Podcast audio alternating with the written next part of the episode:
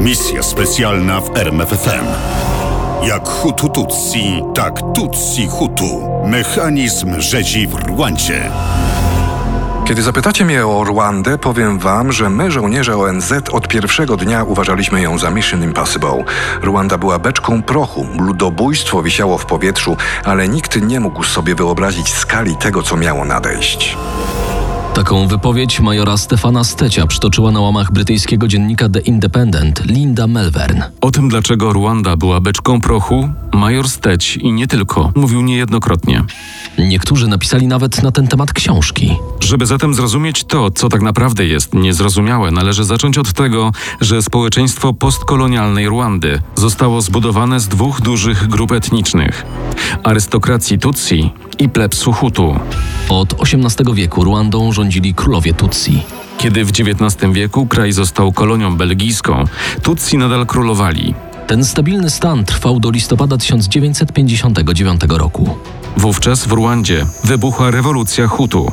Przez kraj przeleciał wiatr zniszczenia. Co najmniej 330 tysięcy Tutsi uciekło do sąsiednich krajów. Władze przejęli Hutu, a w 1962 roku Ruanda uzyskała niepodległość i zmieniła się w republikę. Tutsi jednak nie odpuścili, marzył im się powrót do władzy. Najwłaściwszym wyjściem byłaby droga demokratycznych wyborów. Tymczasem Tutsi mieli niskie poparcie w zdominowanym przez Hutu społeczeństwie. Dlatego postanowili odwołać się do siły zbrojnej. Rok później w głąb kraju wdarł się silny zagon rebeliantów Tutsi. Zanim armia rwandyjska rozpoczęła kontratak, Tutsi byli już pod stolicą Kigali, lecz na więcej nie było ich stać. Musieli się wycofać.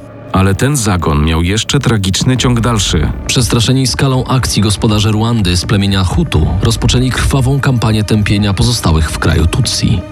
Szacuje się, że wówczas w grudniu 63 roku i styczniu następnego roku zginęło około 10 tysięcy Tutsi, w tym wszyscy przedstawiciele elit politycznych. Pokój spojony krwią ofiar ludobójstwa miał trwać niecałe 30 lat, czyli mniej więcej tyle co jedno pokolenie. W październiku 90 roku armia zaledwie 4 tysięcy rebeliantów Rwandyjskiego Frontu Patriotycznego, w skrócie RPF, przekroczyła granicę.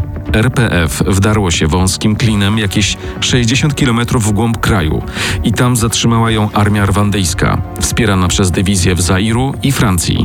Rebelianci musieli wycofać się tam skąd przyszli, czyli do Ugandy.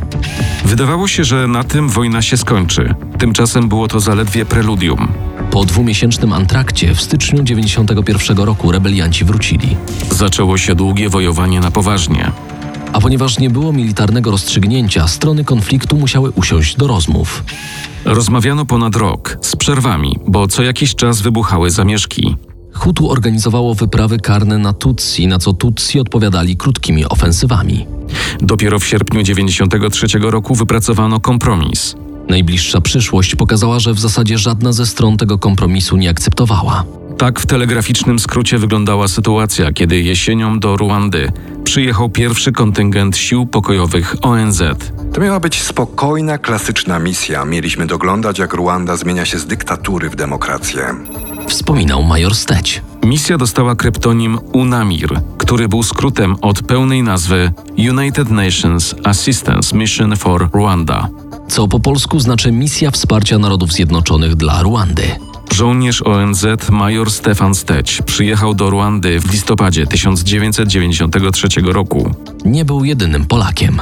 W polskim kościele w Gikondo, dzielnicy Kigali, znajdowało się dwóch oficerów, major Jerzy Mączka i major Ryszard Chudy. 9 kwietnia 1994 roku nad ranem major Mączka wyszedł do przykościelnego ogrodu. Wtedy pod kościół podjechał samochód. Wysiadło z niego czterech mężczyzn. Kiedy im się bliżej przyjrzał, rozpoznał mundury gwardii prezydenckiej. Dwóch pozostałych było zwykłymi żandarmami. Po chwili cała czwórka zniknęła w kościele. Wewnątrz byli ludzie, dorośli i dzieci, kobiety i mężczyźni w różnym wieku. Wszyscy bez wyjątku mieli przerażenie w oczach. Żandarmi ruszyli powoli w stronę tłumu. Oni już wiedzieli, że mają przed sobą przestraszonych Tutsi. Z kościoła wypuścili zaledwie kilku hutu, reszta musiała zostać. I wtedy zareagował pewien ksiądz, prosząc o zostawienie ich w spokoju. To żadni chrześcijanie, to karaluchy. Żandarm użył określenia imiencji, karaluchy, ponieważ tak obraźliwie określano Tutsi. Ksiądz może chciał jeszcze coś dodać, ale w tej chwili do kościoła wszedł oficer gwardii prezydenckiej, zbliżył się do żandarmów. Nie marnujcie naboi, zaraz przyjdzie milicja Interam V. Istotnie, niedługo potem pojawiło się 100 ludzi uzbrojonych w maczety. Zaczęła się rzeź. Nie pomogły protesty księży i oficerów ONZ. Major Mączka próbował połączyć się przez radio z centralą misji UNAMIR, ale wszystkie kanały były zajęte. Kiedy po kilku nerwowych próbach złapał wreszcie połączenie, zameldował krótko, co się dzieje i poprosił o przysłanie wojska. Nie tylko u was zabijają Tutsi. Mam informacje o wielu takich przypadkach. Nie jestem w stanie wszędzie wysyłać żołnierzy. Musicie poczekać. To prawda, Gikondo było zaledwie jedną z wielu dzielnic Kigali, w których od trzech dni trwała masakra Tutsi. Początek tych tragicznych wydarzeń łączy się z datą 6 kwietnia 1994 roku i zestrzeleniem samolotu prezydenta Rwandy nad lotniskiem w Kigali. Prezydent Juvenal Habyarimana pochodził z plemienia Hutu, stąd jego współplemieńcy oskarżyli o zabójstwo Tutsi. I taki tok rozumowania wydawałby się logiczny, gdyby nie późniejsze decyzje i wydarzenia. Otóż jeszcze tego samego dnia wieczorem wyżsi oficerowie sztabu utworzyli komitet kryzysowy, w czym nie byłoby nic dziwnego, gdyby nie pominięcie pani premier. Według konstytucji to ona powinna przejąć obowiązki zabitego prezydenta, lecz generałowie z Komitetu Kryzysowego stwierdzili, że pani premier nie cieszy się zaufaniem Ruandyjczyków.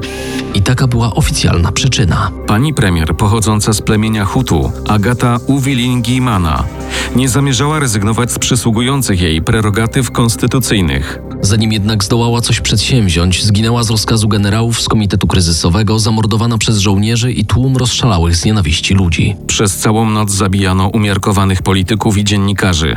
Zginęła nie tylko pani premier i jej mąż, zabito również przewodniczącego Trybunału Konstytucyjnego, ministra rolnictwa oraz przewodniczącego Partii Liberalnej i jego żonę, Kanadyjkę. Do południa 7 kwietnia umiarkowane kierownictwo polityczne Ruandy zostało wyeliminowane. Przy władzy zostali tylko ci, którym zależało na eksterminacji plemienia Tutsi. Tu warto dodać, że również zwolennikiem porozumienia z Tutsi był nieżyjący od poprzedniego dnia prezydent Jewena Alahabia Arimana. Pytanie, kto zlecił zestrzelenie prezydenckiego samolotu, Tutsi czy radykalny odłam Hutu, dręczy historyków i prawników od 30 lat. Mimo, że przeprowadzono wnikliwe dochodzenia, nie udało się znaleźć odpowiedzi na szereg ważnych pytań. Jednak skala morderstw, jakie opanowały Kigali i Ruandę, już pierwszego dnia wskazują, że radykalny odłam Hutu przygotowywał masakrę od co najmniej kilku miesięcy. Na przykład już w 1993 roku generałowie Hutu, odpowiedzialni za obronę cywilną, zwiększyli import maczet. W marcu tego samego roku rozpoczęto tworzyć tzw. listy zdrajców. Przydały się nocą z 6 na 7 kwietnia. Czy na tej liście znalazł się prezydent i pani premier? Nie odpowiemy na to pytanie. Wiadomo natomiast, że w kręgu radykalnych generałów Hutu krążyło przeświadczenie, że ani prezydent, ani pani premier nie zgodzą się na masakrę Tutsi. Trzeba zatem było ich wyeliminować. Zabito oboje, winę zrzucając na Tutsi. Zastosowano klasyczny model kozła ofiarnego i odpowiedzialności zbiorowej. Za jednym zamachem pozbyto się niewygodnych polityków i uzyskano mocny argument na rozpoczęcie kampanii przeciw Tutsi. Tak to prawdopodobnie wyglądało, ale przypomnijmy, na potwierdzenie tej hipotezy jeszcze nie odnaleziono twardych dowodów. Rzeź Tutsi rozpoczęła się w ciągu kilku godzin po śmierci prezydenta Habyarimany, a głównym organem koordynującym ludobójstwo był Komitet Kryzysowy. Na wioski i osiedla zamieszkałe przez Tutsi ruszyły bataliony Gwardii Prezydenckiej, Żandarmerii i Milicji Inter-AMWE. 9 kwietnia w polskim kościele w Gikondo zabito wszystkich 110 Tutsi. Nie udało się uratować nawet dzieci, chociaż zaraz na początku rzezi tych najmłodszych chowano pod ławki. Kiedy po dwóch godzinach milicja Hutu opuściła kościół, księża Pallotyni zabrali się do opatrywania rannych. Ciała zabitych ułożono pod kościołem i zabrano się do przygotowania dwóch masowych grobów. Gdy ta ciężka psychicznie robota zbliżała się do końca, przyjechały dwa ambulanse Czerwonego Krzyża, lecz lekarze niewiele mogli już tu zrobić. Tylko dwaj ranni mężczyźni trafili do szpitala i przeżyli. Wojsko spod szyldu ONZ pojawiło się pod kościołem grubo po południu. Trzej oficerowie, Belg i dwóch Polaków przyjechało belgijskim transporterem opancerzonym. Jednym z oficerów był major Steć. To on sfilmował miejsce masakry. Kiedy kilka dni później materiał był gotowy i opatrzony wnikliwym raportem, major Steć odesłał go do Nowego Jorku. Zapewne chciał napisać więcej, bardziej szczerze, nie kryjąc emocji, ale nie mógł. Dlaczego? ponieważ obowiązywały go wytyczne z centrali. Wyraźnie zabroniono nam używania słowa ludobójstwo w naszej korespondencji do Nowego Jorku.